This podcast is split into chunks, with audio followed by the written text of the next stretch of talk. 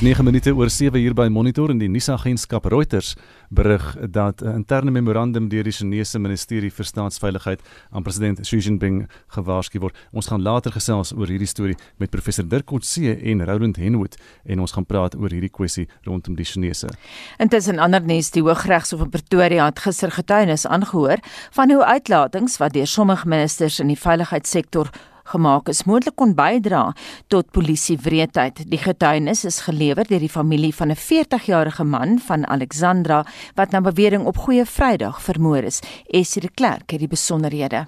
Collins Kosa is na bewering deur weermaglede en lede van die Johannesburgse metropolisie gemartel, aangerand en vermoor nadat hy beskuldig is dat hy inperkingsmaatreëls oortree het toe weermaglede 'n bottel alkohol in sy erf gevind het. Kosa se familie vra die Hooggeregshof om 'n verklarende bevel uit te reik wat die regering sal dwing om 'n gedragskode vir die polisie en weermag vas te stel. Die familie se regsverteenwoordiger, advokaat Tembeka Ngakaitobi, sê dit is in openbare belang om te onderskei wat is gemagtig volgens die wet. We come in our personal capacity. We come because Mr. Kosa has been killed by members of the defense force, but and therefore he cannot act for himself. But we also come for his three children who today have no father. We come for his mother who today has lost a son and has lost a breadwinner. But we also come for the public interest. We have shown on the evidence that despite this case of course having received so much publicity, the instances of police and military abuse have not abated. Hy sê openbare uitsprake wat deur die polisie en ministers gemaak word aangaande die oortreding van inperkingsmaatreëls kon bygedra het tot 'n stygings in geweldsmisdade deur owerhede. So, Lord, to come back to the question of the declaration of rights, there is an immense public interest that there should be a declaration of what rights exist, particularly in the light of the statements made by ministers where the ministers have encouraged the breaking of the law. Take Minister Taylor, for instance. She, he says, we are going to smash the infrastructure that you are using to sell alcohol. Advokaat Nguka Tobi het aangevoer dit demonstreer die gebrek aan begrip vir die reg deur die ministers. What Minister Mapisa Nkula, who is the Minister of Defence, and what Minister Taylor have said publicly. Okay. Those pronouncements, my lord, are not pronouncements of ministers who actually know their obligations under the law. They are pronouncements of ministers, if they know them, who don't care about the law. Or they are pronouncements of ministers who are ignorant about what the law is. Intussen is die ondersoek deur die militêre omboed na Kosa se dood as onvoldoende beskryf. Advokaat Ngukatobi sê die weermag het onderneem om die ondersoekverslag teen die 30ste April bekend te maak. Die weermag voer aan uitstel is aan die ondersoekspan verleen en die ondersoek sal teen middel Mei afgehandel wees. The facts have not been denied and therefore they must be taken to be admitted. And secondly, their excuse about an investigation does not provide them cover not to answer the allegations. But what we also know is that there is in fact no credible investigation because of the obfuscation that they have been uh, engaged in.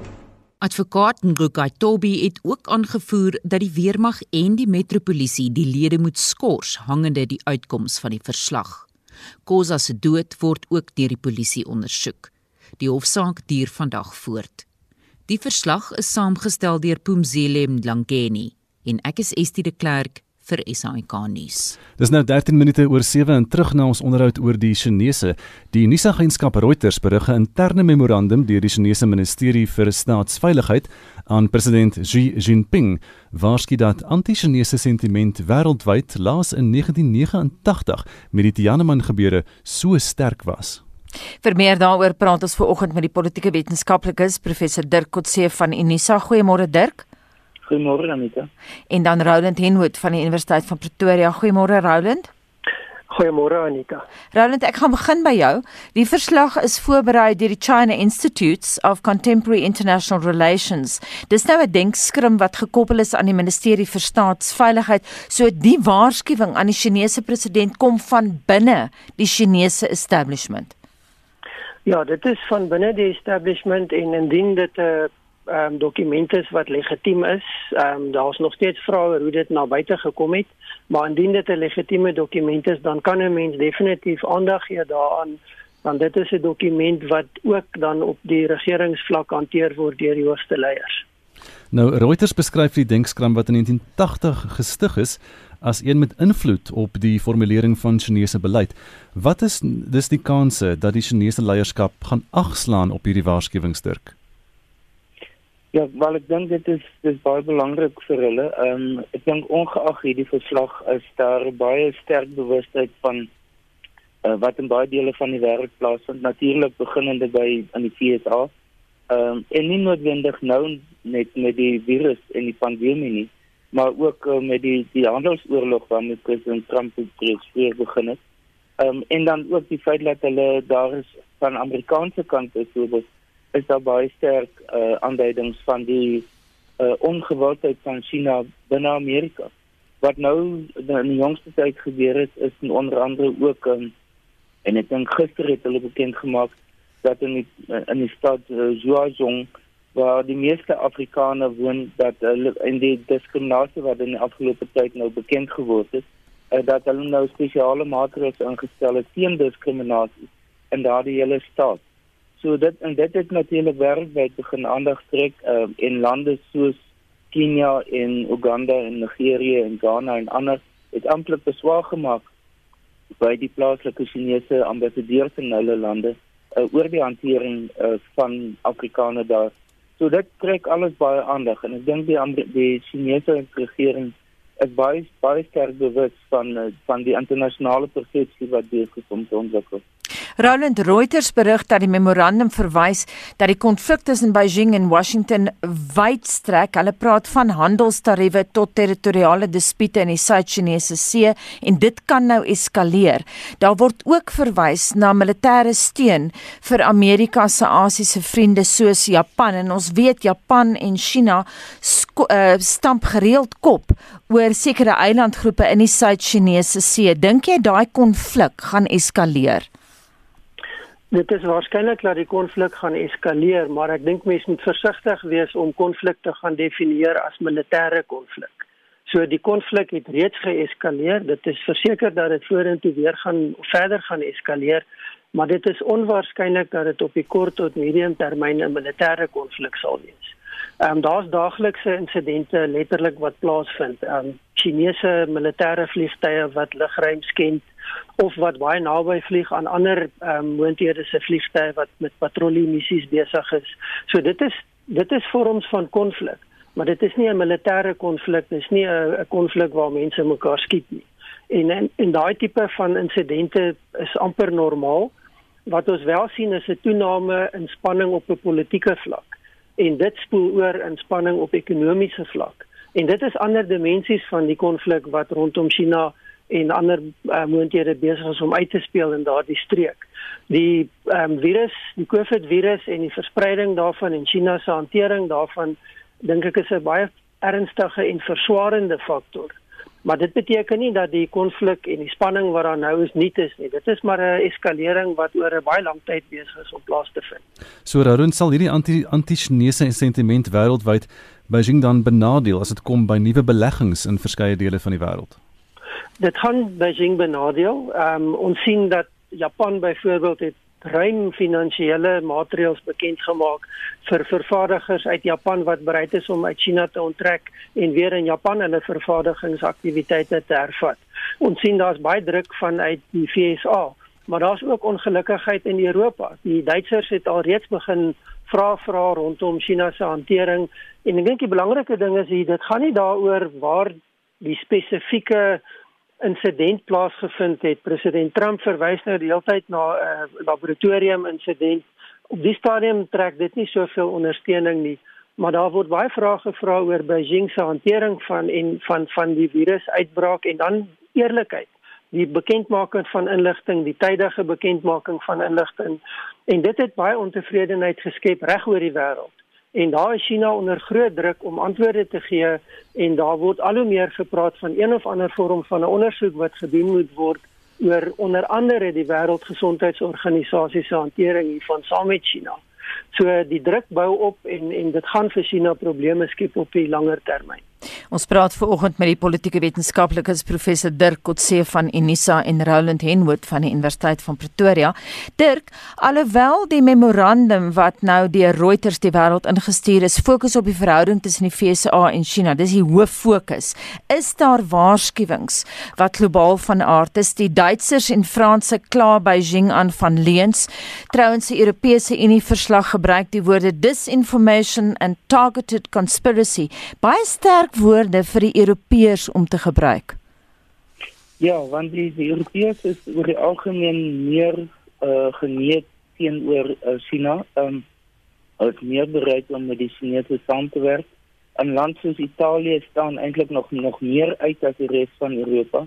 Ehm um, en hulle het in 'n sekere sin net is die die groot getal sterftes en infeksies in Italië is is in 'n mate gevolg daarvan as gevolg van hulle baie sterk uh, uh, Chinese bande wat hulle het. Maar in in in sien in Europa in algemeen is daar nou dink ek meer voor voorbehoude nie, uh, nie net oor die gesondheidsaspekte daarvan en China se hantering van die pandemie nie, maar ook die feit dat hulle uh, begin om in te trek in die in een waar waarskynlik die grootste beleggingsprojek van China vir die volgende dekade wat en dis die in Engels noem hulle dit die Belt and Road Initiative of miskien kan mens sê die Gordel en Pad Initiative inisiatief um, wat probeer om die ou syroete te herskep tussen China en Europa en spesifiek China en wat eindig um, in Italië. Um, maar dit is besig om om 'n teenreaksie in Europa te ontwikkel as gevolg van die die, die vrees dat dit te veel van 'n houvas of 'n uh, vaskraplek vir uh, China in die Europese um, ekonomie gaan gee. Um, en dit het gelei tot 'n Europese reaksie teen onder andere Italië se hantering um, van hulle verhouding met met uh, China. So dit dit is aspekte wat ons sien wat waarskynlik nou gaan vermeerder. Dit waarna Groenland uh, verwys uh, wat neerkom uh, in in geval van Japan dink ek gaan 'n internasionale tendens begin word. Ehm um, insluitend in lande in Afrika lande, uh, insluitend in Suid-Afrika byvoorbeeld. Ehm um, uh, die Chinese wou byvoorbeeld gehad het dat Suid-Afrika as gevolg van die feit dat hier sien nou meer en meer Chinese myne uh, tot stand kom of myne wat deur Chinese bestuur word. Wou hulle gehad het dat daar van Limpopo baie spesiale spoorweglyn gebou word na ja, uh, Durban en Richards Bay eintlik vir hulle eksklusiewe doeleindes. Um, en dit het natuurlik nie plaasgevind nie. Dieselfde met 'n spesiale ekonomiese sone rondom Messina. Um en die bou van 'n uh, kragsentrale wat eksklusief vir die toegang van van uh, Chinese maatskappye moes wees. En dit het die tipe van teenreaksie veroorsaak wat wat negatief van aard is in baie lande. Die feit dat uh, dit voorheen gelyk het asof China groot bedra as lenings in Afrika lande voorsien het soos byvoorbeeld uh Ethiopië en Djibouti vir die bou van 'n spoorlyn wat deel van hierdie nuwe projek of 'n uh, inisiatief van die Chinese is en nou moet hulle amper iets soos 'n kwart van hulle nasionale begroting daarop spandeer om dit terug te betaal. So dit skep alles uh persepsies van van anti-Chinese gevoel of 'n gevoel dat China besig is om eintlik die situasie uit te buit tot hulle eie voordeel. Roudend is interessant hoe China nou reageer met sagte mag. Uh, hulle stuur dit diplomate die wêreld in op die televisienetwerke om te praat oor hoe goed China die die virus hanteer het, maar hulle fokus nie vreeslik baie op waar dit ontstaan het en hoe dit ontstaan het nie. En dan stuur hulle natuurlik al die mediese toerusting, die maskers en goed uh, na lande toe soos na Italië toe, maar in Italië het dit nogal 'n bietjie geboomerang. Wat het daar gebeur? Ja, is, is interessant. Ek dink mense moet gaan kyk. China gebruik twee reaksies. Op op in, op een vlak die wat wat genoem kan word 'n sagte vorm van mag ehm um, waar maskers en die tipe van goed versprei word. Daar's natuurlik probleme gewees van die toerusting wat wat China versprei het is dood eenvoudig baie vinnig onttrek want die kwaliteit daarvan was so swak dat dit onbruikbaar was. En dis natuurlik 'n groot mislukking indien dit jou reaksie is op hierdie tipe druk wat jy beleef en jou manier om te wys dat jy eintlik 'n goeie buurman is, dat jy 'n goeie wêreldburger is en dat jy die vermoë het om die regte goed te doen terwyl die slegte FSA dit nie doen nie. dan kan jy nie bekostig om sulke foute te maak nie. Dit ondermyn totaal jou strategie. Maar dit is die een element. Die ander element van China is 'n baie harde aanslag. En en daai harde aanslag byvoorbeeld beteken dat China baie streng beheer uitoefen oor alle publikasies en bekendstelling van enige inligting vanuit China wat met die hele COVID-19 viruskrisis verband hou. Ehm um, selfs so dat daar teen wetenskaplikes opgetree word wat publikasies alreeds ehm um, vrygestel het. En publikasies wat vrygestel was is terugwerkend onttrek sodat dit nie meer vrylik beskikbaar is nie. Daar's 'n geweldige mediaveldtog wat deur China geloods word om die goeie van China te te bevorder en om om China se beeld te bou in terme van hoe vinnig en hoe effektief hulle hierdie virus beheer het. Nou daar word al hoe meer vrae gevra oor of China werklik so effektief was en werklik alles gedoen het op die manier wat hulle dit vrygestel het. En dis 'n volgende probleem vir China. Hoe meer die regering inkom en die vrystelling van inligting beheer en voorskryf, hoe minder word dit as geloofwaardig beskou. En dit is waar die Chinese baie keer bietjie eh, die die punt mis. Jy kan binne China op hierdie manier dalk optree en enige vorm van weerstand en teenstrydighede onderdruk, maar jy gaan dit nie na buite kan doen nie. Jy skep meer weerstand en jy skep meer wantroue. So die die probleem wat China het, hy sit nie met 'n president soos Trump wat weghol met goed wat mense naderhand sê maar ons weet nie of dit regtig so is nie. Ons steur ons nie daar nie. Hoe meer China op hierdie manier optree, hoe meer gee hy legitimiteit aan sy opponente wat al hoe meer vrae begin vra oor wat werklik in China gebeur en dan saam met dit wat is China se werklike langtermyn oogmerke? En dit is die punt wat in Afrika al hoe sterker na vore kom. Is wat is China se langtermyn? Is dit die goeie buurman? Is dit hierdie goeie ehm um, vriend van Afrika wat werklik Afrika se belange op die hart dra? En daar's 'n baie sterk teenreaksie besig om te ontwikkel wat sê maar ons kan nie China vertrou nie. China is eintlik maar net soos al die ander wat voor China hierdie rol in Afrika probeer speel het. So dit dit draak al hoe moeiliker vir China. Der kan jy daai punt verder voer? Hoe gaan Afrika dit op die langtermyn speel?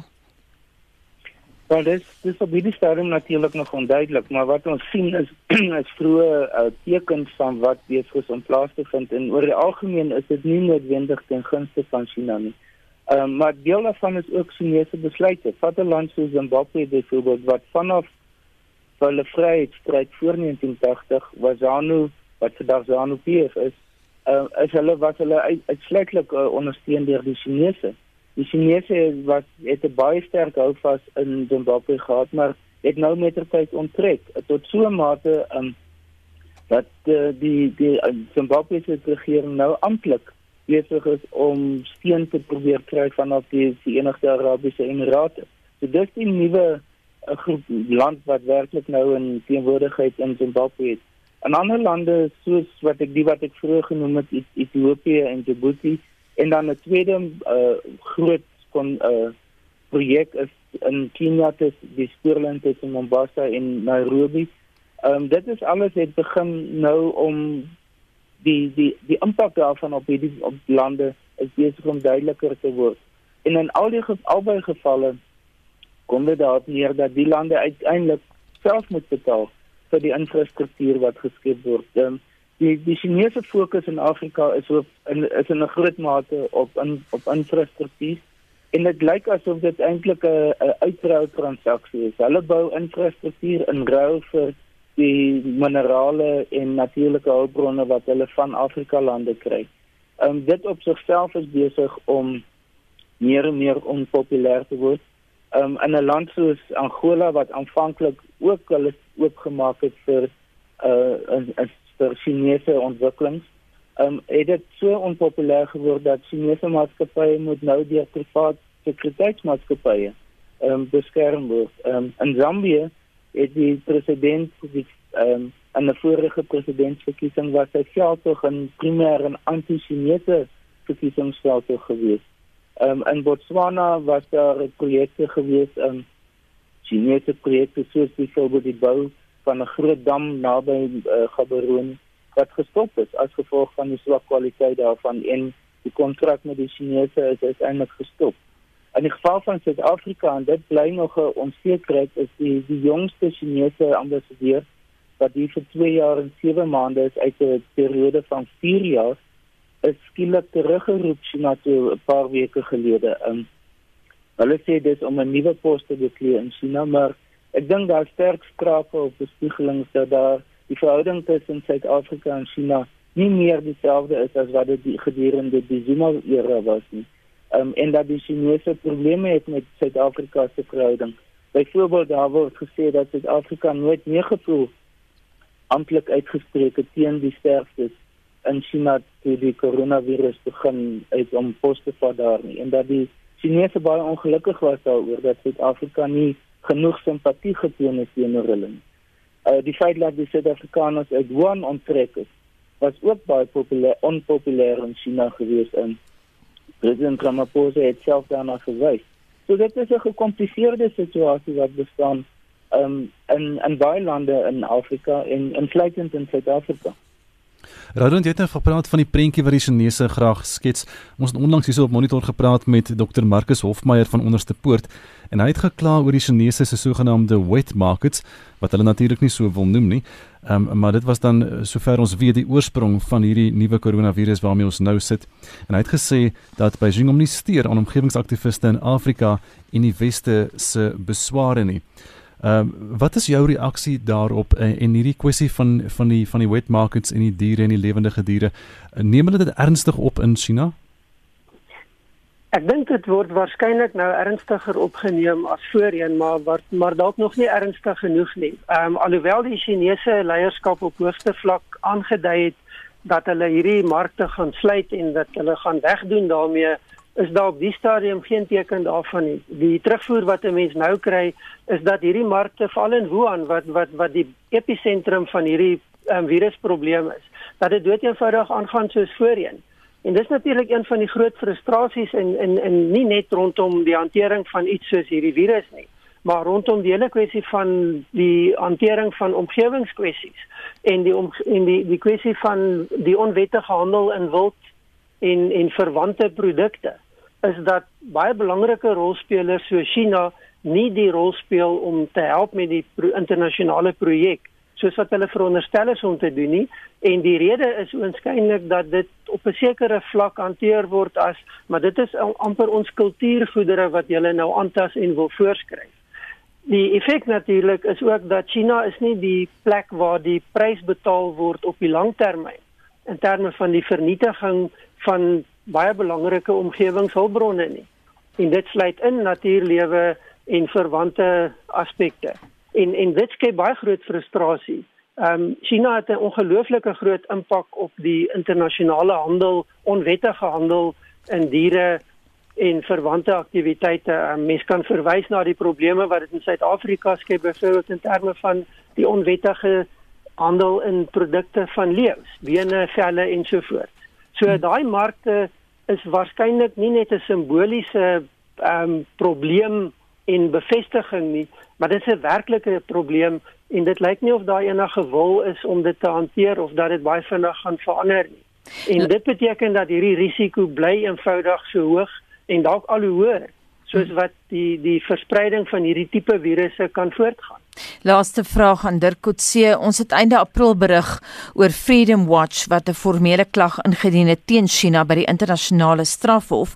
Wat is die wêreld se opsies Dirk om hulle misnoë aan Beijing oor te dra? Dit is meer beperk as wat dit byvoorbeeld 'n paar jaar gelede was as gevolg van die internasionale posisie van China. Uh, ons weet almal hy is een van die vyf dominante lede van die Veiligheidsraad in die VN as gevolg van sy ekonomiese mag is hy in 'n baie sterk bedingingsposisie ten spyte van die huidige situasie en die huidige ekonomiese situasie. Ehm um, hy begin om meer en meer van 'n militêre mag oor te word wat hy vroeër nie was nie, maar dit is nog nie 'n sterk verhouding tot die Amerikaners byvoorbeeld nie. En so ek dink uit, uit al daardie perspektiewe maak dit dit moeiliker en moeiliker vir enige groepering of dit die Europeërs is of selfs die Amerikaners um, om werklik uh, te probeer om die Chinese invloed of die Chinese mag te probeer bekamp of te probeer beperk. En um, so die die die opsies is, is relatief min. Uh, wat president Trump doen is is waarskynlik van die die mees beskikbare opsies. Um, die handelsoorlog lyk vir my asof dit die een is wat die meeste impak maak op die Chinese op die oomblik.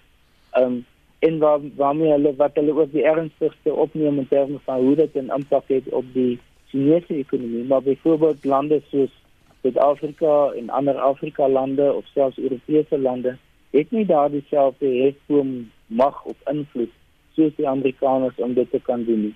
Um, en in baie gevalle is is afhanklik van die handelsbetrekkinge met met China. So ek dink oor tyd gaan dit waarskynlik gaan mense sien dat daardie betrekkinge gaan meer afgewater word, maar dit gaan nooit heeltemal hulle sou nooit heeltemal hulle self kan losmaak van die Chinese invloed nie. Baie dankie en daai mening word gehuldig deur professor Dirk Kotse van Unisa en ons het ook gesels met Roland Henwood van die Universiteit van Pretoria.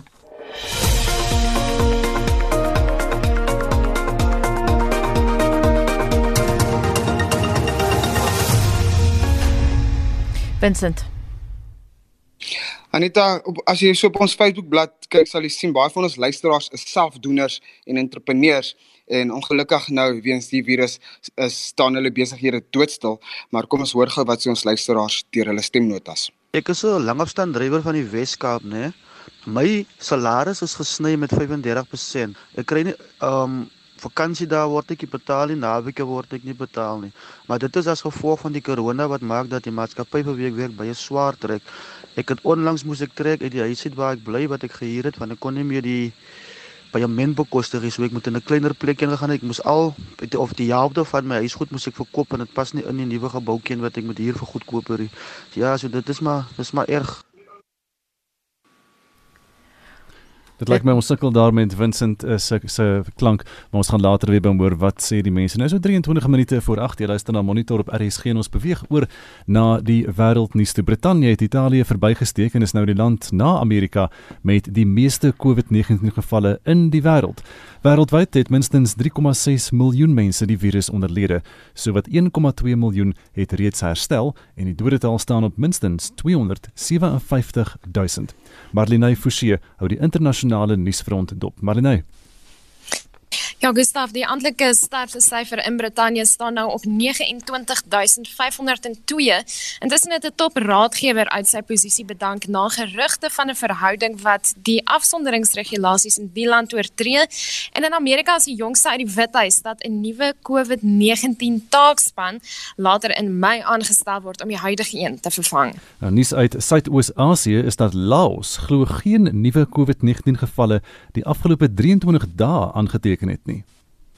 En lydensberigte het slegs 19 mense voor die periode positief getoets. Dis nou nadat 200 2000 eerder 233 mense landwyd getoets is. Kinders waarsku egter dat dit nie noodwendig 'n akkurate syfer is nie, veral met 'n bevolking van sowat 7 miljoen. Inperkingsmaatreëls word intussen verlig. Restaurante, koffiewinkels en hotelle mag van maandag af weer open, maar kroë, rolprentteaters en aandmarkte bly nog gesluit. Daar heers ook kommer oor die impak van uh, klimaatsverandering. 'n Nuwe studie toon dat minstens 3 miljard mense teen 2070 in byna onleefbare temperature gaan moet woon. En dis nou as die aardoppervlak 3% warmer word. Nou teen die huidige tempo van aardverwarming, sê navorsers hulle verwag gemiddelde temperature van sowat 29 grade Celsius dis in die volgende 50 jaar. Nou hoewel 'n 5% afname in kweekhuisgasse tog vanjaar verwag word weens die pandemie en die inperkingsregulasies wêreldwyd, is dit nog nie naby die nodige 7,6% wat volgens verskeie studies jaarliks nodig is om die huidige tempo van aardverwarming aan bande te lê nie. Dubbele emissies van kweekhuisgasse word boonop verwag wanneer die COVID-19 pandemie hok geslaan word en fabrieke wêreldwyd heropen. Marlene Forsie met vanoggend se wêreldnuus is nou 20 minute voor 8. Die verdeeldheid binne die ANC kan oor die lang termyn groter skade aan Suid-Afrika doen as COVID-19, so sê professor Andreu Dievenage, 'n politieke ontleder verbonde aan Noordwes se besigheidskool. Hy skryf op Facebook dat inligting uit meer as een oord aandui dat die gevegte binne die ANC aan opbou is en dat die momentum hiervan besig is om drasties te versnel. Nou daar is selfs sprake dat president Cyril Ramaphosa uitgewerk kan word voor die einde van die jaar. En vir meer hieroor praat ons nou met professor Dievenage. Goeiemôre Andrei. Gustaf. En ons praat ook met die politieke ontleder Piet Kroukamp van Noordwes Universiteit se Val Drio kampus. Môre Piet. Andre, kom ons begin dan by jou. Waarom glo jy dat die ANC dinamika 'n groter uitwerking op Suid-Afrika sal hê as die COVID-19 pandemie? Uh, Gustav, ek wil begin deur te onderskei tussen COVID-19, die mediese konteks en dan wat ek noem COVID-19, die mensgemaakte krisis wat die groter konteks aandui. En die ANC dinamika is deel van 'n groter politieke konteks wat insluit politieke, ekonomiese, sosiale faktore.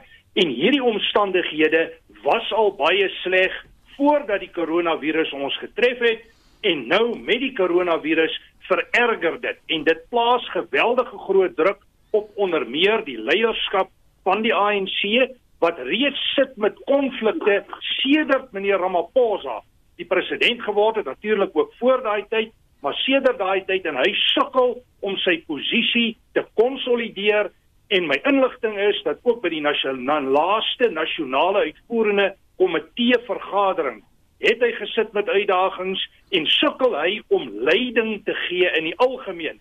En my beeld van meneer Ramaphosa op al die kritieke prestasieareas, selfs sonder corona, is dat hy onderpresteer. Hy sukkel om strategiese leiding te gee. Hy is besig om te kapitaliseer op die corona-proses, maar daardie golf is besig om te breek.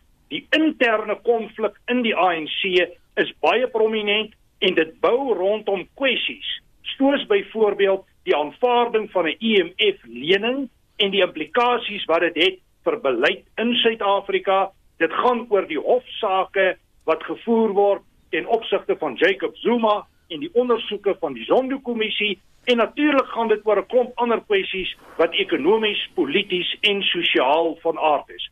Nou my beeld nie net gebaseer op inligting is dat die druk op meneer Ramaphosa besig is om toe te neem. Nou ek gaan nie outomaties sê dat hy onmiddellik gaan val nie. Dis nie die punt wat ek maak nie. Die punt wat ek maak is dat die druk toeneem en dat hy definitief net een termyn sal kry en hy mag in opsigte gelukkig wees om daardie een termyn te voltooi. En soos ek aangedui het in al my skrywes, dit sal beteken dat hy baie drastiese stappe sal moet neem dat hy sal moet opstaan as 'n leier, strategiese keuses maak en 'n balans kry tussen COVID-19 medies en wat ek geïdentifiseer het as die groter mensgemaakte krisis. Ek dink die uitdagings is baie groot en die skrywe waarna jy verwys, ek vermoed dis nie die akademiese artikel waarna jy verwys nie, het spesifieke beroep op meneer Ramaphosa gedoen om die krisis te sien wat dit is planne te maak in die verband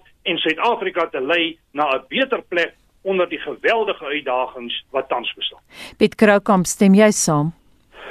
Ehm um, man, Andre is 'n gewaardeerde kollega, maar ek uh, dink in die toekoms gaan hy nog baie spyt wees oor hierdie WhatsApp wat hy onlangs uitgestuur het. Die uh, eh, unika vergadering waarna hy verwys, het nooit plaasgevind nie. Daar's geen sprake dat daar so 'n vergadering was nie. Ek dink daar's uh, ook verdere verwysing in die algemeen dat die president daar uitgedaag is en dat uh, ek dink daar's 'n WhatsApp wat bygekom het wat sê dat die kommuniste as dit ware beheer geneem en die president se termyn uh, uitgedaag is waarskynlik tot einde sal kom aan die einde van die uh, van die COVID krisis. Daar was nie so 'n vergadering gewees. Dit het nooit plaasgevind nie. Die president is nooit uitgedaag op 'n uh, op 'n unika vergadering nie. Uh, sy gesag is nooit onder my nie om die waarheid te sê. Ehm um, al die indikasies is dat die president waarskynlik uh, nou uh, meer gefestig is en sterker af is as wat hy ooit was. Kom ons gee vir jou net 'n vinnige indruk van die vergadering wat sou plaasgevind het waarvan daar groot gewag gemaak het en, en beweer is dat eh uh, Dlamini Zuma hom sou ondermyn het en dat hy uh, uh, dat hy uh, sy, sy dit gaan oor die sigarette uh, die ontbanning van sigarette.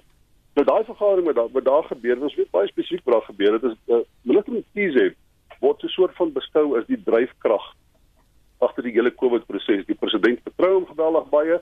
Uh Mkhize is 'n mediese dokter. Hy uh, baat uh, gebruik van nie regeringsorganisasies in Suid-Afrika om die wetenskaplike proses agter dit te motiveer. Hulle is in voltydse gesprekke met die wêreldgesondheidsorganisasie en hy konsulteer redelik wyd. Uh, wanneer hy 'n opinie handhaaf, dan neem die president baie baie ernstig op omdat hy die proses as wetenskap gedrewe beskou. En in die vergadering het minister Mkhize gesê dat uh, daar 'n keuse moet gemaak word met jy 'n pasiënt met emfyseem behandel byvoorbeeld of met jy 'n COVID pasiënt, dan gaan COVID pasiënte gaan nou voorkeur op kry. Wat beteken is dit? Uh, mens kan nie regtig bekostig dat mense wat met longsiektes wat onder rook veroorsaak ook respiratoriese siektes, dat dat daai pasiënte nog 'n druk op die stelsel sit. En daai selfe vergadering het Lamine Zuma wat ook 'n mediese dokter is, het toe gesê dat uh, sy vir Nkisi in daai verband ondersteun en ons weet dat sy 'n 20 jaar lange stryd uh, voer teen mense wat rook uh, oor die algemeen uh, en om dit nou in verband te bring met die, die feit dat dit wat waar is dat sy uh, finansiëel ondersteun is in haar stryd om die presidentskap deur mense wat opportunisties in die informele mark sigarette handel bly dit was nie daar ter sprake gewees nie en ek dink ook dis nie rede oor hoekom sy gesê het nie maar sy weet dat sy uh, vir Nkisi wil ondersteun in die idee dat miskien moet uh, sigarette rook uh, uh, uh, die ontban word. En die verdere ding is, Ibrahim Patel het gesê maar dit is so dat dat rook is 'n is 'n sosiale okasie vir baie mense. En as jy wit is en jy's welvarend, dan koop jy vir jou pakkie sigarette en jy rook dit. Maar in die groot dele van informele nedersettings, en onder arm Suid-Afrikaners wat jy praat van die volgende 3, 4 miljoen, 5 miljoen mense wat rook, is sigarette word gedeel onder mekaar. So dit dit dit is die virus kan oorgedra word daardeur. Dit is 'n sosiale verskynsel. Dit veroorsaak dat mense winkel toe gaan elke dag om 'n pakkie sigarette te koop en baie min mense kan 'n stang bekostig. So ek kyk vir die argumente wat redelik goed gemotiveer en Becky Kelly het ook die argument ondersteun en hy het 'n arbitrêre gedrag in hom, maar hy is verantwoordelik vir orde en wanorde in Suid-Afrika en hy moet hy het hom hy hy hy uh, vir vir ehm um, dan min Zuma in vir vir uh, is hy gesteel in die argument. So hierdie vier mense is baie baie belangrik in hierdie komitee, hierdie uh dit was die die die wat wat spesifiek te doen met die koronavirus. En die president is oorgehaal omdat hy natuurlik uh normaalweg sy ministers geweldig autoriteit uh um uh vermoë gee om hulle eie departemente te bestuur. Hy is 'n konsulterende president. En hy het toegegaan sien jy goed, dit klink van 'n sterker argument en dit maak sin en dit klink asof daar wetenskaplike argument daar agter is. En hy toegegee kom ons uh kom ons uh, hou dan maar die sigaret uh uh, die moet by die reset sigaret beheer. Kom ons hou dit nou maar so dit is. Daar dit gesag was nie uitgedaag nie. Uh Dlamini Zuma het hom nie ondermyn nie. Dit is absoluut skerp wat oor en oor getel word wat jammer is my van van ander se so so WhatsApp wat hy gesê het. Hy koop in op hierdie hierdie tipe verskynsels, hierdie gerugte, hierdie rumors. Ander gebruik voortdurend die woord dat daar ehm um, bronne is wat hom sê. Nou, ek wil vir jou sê by ANC bronne is 'n baie suspek ding. Jy moet baie versigtig wees wat iemand in die binnekant van die ANC vir jou sê. Die ander belangrike ding wat ek dink wat ander die fout maak is, hy koop binne die gedagte dat jy kan nie die president verstaan, jy kan nie die ANC verstaan as jy dit filter deur die idee van faksiegevegte. Op hierdie stadium is die faksiegevegte so laag as wat ek ooit gesien het binne die ANC. Dit is 'n faktor. Esma Gesuli is 'n faktor is totaal gemarginaliseer die tipiese verdelingslyne wat ons histories gesien het, is op hierdie stadium nie vaardig nie en werk nie binne die ANC nie. Die president was nog nooit sterker af as wat nou in die geval is nie. Dit is ook hoekom hy die die, die, die vermoë het om buite te konsulteer en hy doen dit. So ek ek ek baie van die goed wat ander sê maak eenvoudig net nie sin nie, maar die belangrike ding is die vergadering waarvan hy praat het nie plaasgevind. Ek het met my ander kollega, uh, Theo Venter beraadslaag en Theo het redelike uh, ek ek dink hy beter kontak as die meeste mense in die ANC en uh, ek dink hy's omtrent al huisvriende met Job Vergore wat ook 'n ex-officio lid is van die NEC. Ja. Wat sê daai het nie so 'n vergadering plaasgevind nie. So mense kan van die goed met ander sê kan jy gaan verifieer met ander bronne. Dit het nie voordat dit nooit gebeur nie. En wat my die jammerste is, ek het die laaste paar dae onsaglik baie oproepe gekry van groot boere in Suid-Afrika, besigheidsmense wat vreesbevange is oor dit wat ander gesê het. En stadium ons is baie gespanne. Die land is op 'n mespunt. Uh daar is die moontlikheid van van geweld. Daar is die moontlikheid van opstande onder onder onder arme mense in Suid-Afrika. Ons kan nie bekostig om nog gerugte en hoogste scenario's en doomsday prophecies en urban legends te versprei en dit dan op te dis as sou dit akademiese teorie wees. Dit is eenvoudig net dis gevaarlik om te doen, of verantwoordelik om te doen. En ek dink ander moet eintlik daai WhatsApp van terugtrek sê jammer dat dit versprei. Daar is geen substansie in wat hy daar ja. geskryf het. Piet, kom ons vra gou vir ander ander lyk nou of jy 'n verskillende inligting het oor die binnewerkinge van die ANC. Wat is jou reaksie nou op wat Piet nou gesê het? Wel, ek ek verskil van Piet redelik fundamenteel en ek wil net sê dit gaan nie oor 'n WhatsApp boodskap nie. Ek het geen WhatsApp boodskappe gegee nie. Daar was 'n akademiese artikel in Litnet gepubliseer wat as basis gebruik is plus ander uh, stuk inligting wat ek op Facebook gedeel het aan vriende. So dit is die twee stelle inligting. Ek weet nie waar Piet aan 'n WhatsApp kom van kommuniste en sulke goed nie. Ek was nie daarbey betrokke nie en iewerster het hy die kat aan die stert weet. Maar kom ons kyk na die groter argumente. My argument is gebaseer op twee vlakke. Daar was bepaalde inligting wat gekommunikeer is. My inligting is daar was 'n vergadering verlede week. Daar was groot druk op meneer Ramaphosa en hy was nie in 'n posisie om dit na behore te te bestuur en te hanteer nie. En ek dink dis baie sleg vir die beeld van 'n president as jy aankondig dat tabak gebruik kan word, maar jou OIC gaan en sê die teenoorgestelde. Dit reflekteer sleg en jy verdedig dit in jou omsendskrywe waar jy sê dis 'n besluit in die kollektief. Maar dan die tweede lyn van argumente. Hier is ek by die groter COVID argument ten opsigte van die mensgemaakte krisis. Hier strategiese lyne in die Suid-Afrikaanse politiek wat ontwikkel nie net oor die laaste tyd nie, maar oor 'n langer periode en dit dui op 'n ernstige krisis.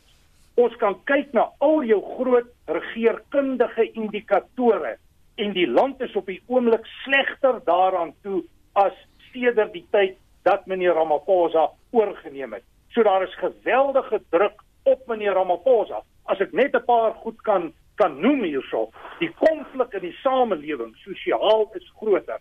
Die ekonomie was in 'n krisis en die krisis is nou eksponensieel groter. Polities is hier 'n stuk onstabiliteit in die land, 'n strukturele disfunksionaliteit waar ons sien jou sosiale uh, instellings en politieke instellings raak toenemend disfunksioneel. En ek dink dit is tyd dat ons wegkyk van 'n politieke korrektheid benadering, 'n gedienstige benadering en sien wat in die land aan die gang is en antwoorde daarvoor kry. En die leierskap in 'n demokrasie versoek om verantwoordelikheid te neem en as dit ware ons te help lei in hierdie omstandighede. En ek dink meneer Ramaphosa faal in belangrike opsigte as leier. Ek dink ons het groter uitdagings op die oomblik as wat ons gehad het. Ek sien nie meer antwoorde nie. Ek sien 'n ANC wat meer disfunksioneel raak. Ek sien 'n ANC en ek verskil daarvan Piet. Ramaphosa het nie beheer nie. Die faksiegevegte hardloop. My inligting is baie duidelik dat meneer Ysmagashule baie sterk besig is met aksies en teenoptredes Dit is bevestig uit verskeie lyne, maar al verskil jy daarvan, al verskil jy van die vergadering, is hier strategiese politieke lyne en kom ons sê vir mekaar eerlik, dit is nie 'n goeie scenario nie. Dit wil nie sê alles is verlore nie, maar die punt wat dit maak is, ons moet dit sien vir wat dit is en die leierskap moet ons vorentoe neem en dit is waar ek en Piet drasties van mekaar verskil. Piet, jy kan nou repliek lewer. Ja, wat gebeur het is Andre het op 'n Facebook bladsy geskryf ergens en dit het natuurlik nou mense geskop en paste en dit nou verder gestuur in die vorm van 'n WhatsApp. So hoekom dan nou 'n WhatsApp met Andre se naam by. Die belangrikste ding is in read my lips, die vergadering het nie plaasgevind nie en 'n groot deel van die conspiracy teorie en die doomsday strategie waarvan Andre praat sou veronderstel by daai vergadering plaasgevind het en nie plaasgevind het. En die heel belangrikste is die president sou daar gerepeteer gewees, hy sou ondergetrek gewees het, sy krag sou aangepas het. Die vergadering het nie plaasgevind nie.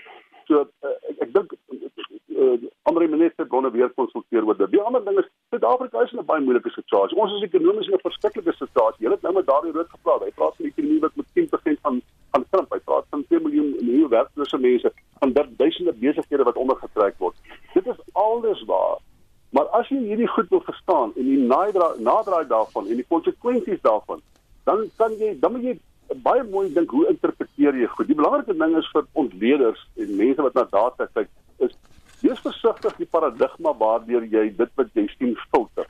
En as jy alles in Suid-Afrika net deur een filter jaag, met ander woorde jy sê daar is faksiegevegte in die ANC en dit wat gebeur in Thabo Mbeki, dit gebeur met Jacob Zuma gaan gerepliseer word noodwendig. As jy elke verskynsel wat jy sien daardeur filter, is jy kan jy verseker wees met 'n stadium van jy 'n fout maak.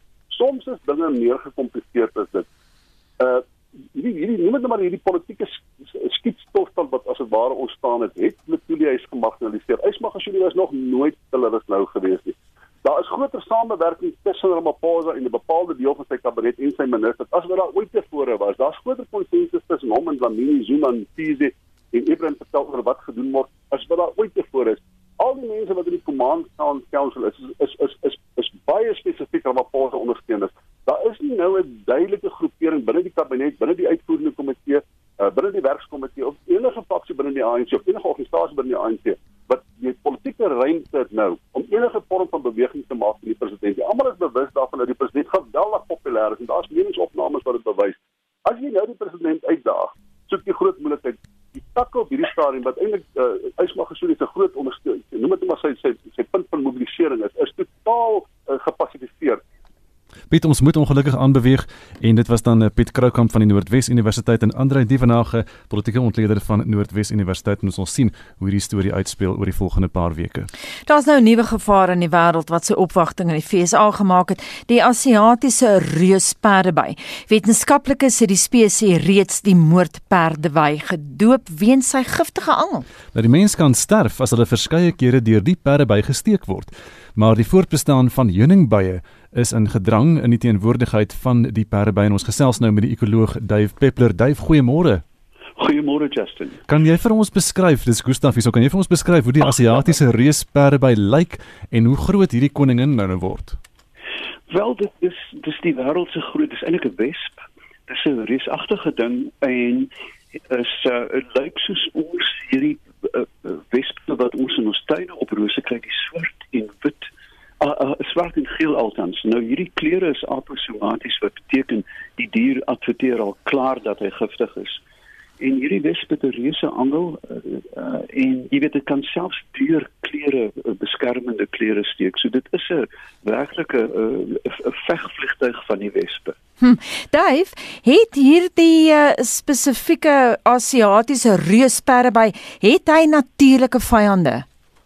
Nie wat ek van weet nie. Ek sou vermoed dat as hy een van ons reuse spinnekoppe, jy weet van die goue web spinnekoppe sou invlieg, maar nie vyande wat 'n wesenlike verskil aan die bevolking kan maak. Die daar is daar is byvoorbeeld nie 'n sê nou maar 'n voel wat sit en tik tot die tot die groep op is nie. Met ander woorde, hulle is soort van alfa predatore. Hulle is in, in regtig top of the heap om die Engelse aan te haal in terme van insekpredator.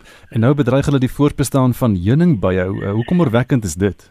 Dit is onsaglik kommerwekkend. Kyk, ons sit in Suid-Afrika klaar met 'n met 'n indringer wesp, die die Duitse Europese wesp, uh, Vespula germanica, wat nou in die Kaap redelik goed gevestig is en hulle vang ook bye. Nou bye is pollinators. Um, van baie belangrike al ons vrugte, dink aan appelboere, dink aan lemoenboere. Met ander woorde be, bevrugtende bye is onsaglik belangrik in die natuur en enige iets wat hulle gevalle of hulle getalle altans beïnvloed, um, is kommerwekkend. Ons weet klaar dat baie onderhewige druk is reg oor die wêreld met korfsterfte. Dit is 'n kombinasie van myte en swamme wat hulle klaar onder druk plaas en niemand het nog 'n groot wesp nodig om die bevolking verder um, af te maai nie. Net 'n laaste vraag, eh, kan hierdie perde by 'n ander kontinente migreer? Ongetwyfeld, jy weet die wêreld is deesdae um gehomogeniseer. Met ander woorde, die wêreld het 'n groot smoothie geword in terme van organismes wat rondbeweeg. En ons het self in Suid-Afrika onlangs weer 'n nuwe insek, uh, die sogenaamde Pythagoras shotwell borer gekry. So sekere gebiede van Suid-Afrika nie in die Karoo nie, maar die die die wesp kan katastrofies versprei, byna soos die virus. Baie dankie, dit was die ekoloog Dave Peppler en ons het hom gesels oor die Asiatiese reusperdeby wat nou ook in Amerika voorkom. Ons groet namens ons waarnemende uitvoerende regisseur Wessel Pretorius, die man in die baie warm stoel vanoggend was Justin Kennedy, ons produksieregisseur Daitron Godfrey en my naam is Anita Visser. Bly by RSG vir praat saam volgende met Lenet Fransis Puren, ek is Gustaf Vreiding, mooi bly tot môreoggend om 6.